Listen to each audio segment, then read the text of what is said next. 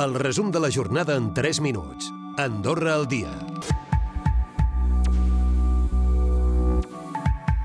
Un dels aspectes que fa poc s'ha posat sobre la taula de negociació de l'acord d'associació amb la Unió Europea és la lliure circulació de capitals, és a dir, doncs, eh, tot el tractat eh, que faria referència al sistema financer. Escoltem el ministre de Finances, Ramon Lladós sigui el BCE, sigui algun altre banc central eh, d'algun país de la Unió Europea. Encara no està tancat.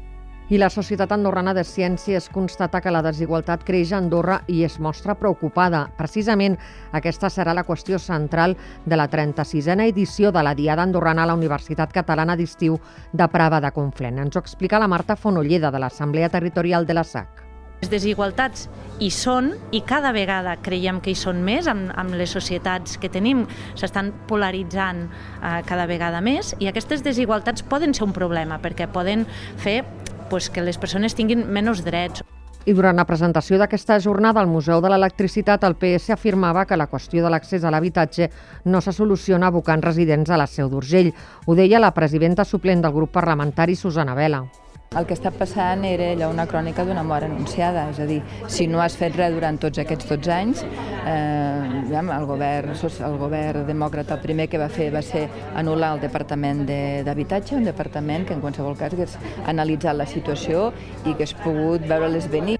I d'una opinió similar era la presidenta de la SAC, Àngels Mac més població i més eh, persones han de cabre en aquest país tan diminut, doncs eh, ens hem d'obrir, però no només per lo dolent, sinó o, o per eh, mm, possibilitats eh, que, no, que no són desitjables, no? que qui vulgui viure aquí pugui viure aquí, és eh, lo lògic, no? Avui ens ha visitat a l'Obert per Vacances la presidenta de l'associació Projecte Vida, Eva Tenorio. Entre altres qüestions ha parlat de la necessitat d'un centre específic pels joves, ja que l'edat d'inici del consum de drogues és als 14 anys i per això Projecte Vida demana aquest tipus de centre d'eina per poder fer costat als joves que no necessitarien un centre específic aquí a Andorra, a ser possible, d'internament mm. per joves eh, i un centre de desintoxicació primer i després per, per fer unes teràpies conductuals i treure-los del, del seu entorn social que, que pot ser els amics o pot ser els jocs on compraven, etc. I els arxius de Telefira, una de les primeres televisions privades del Principat, ja formen part del catàleg en línia d'Arxiu Nacional.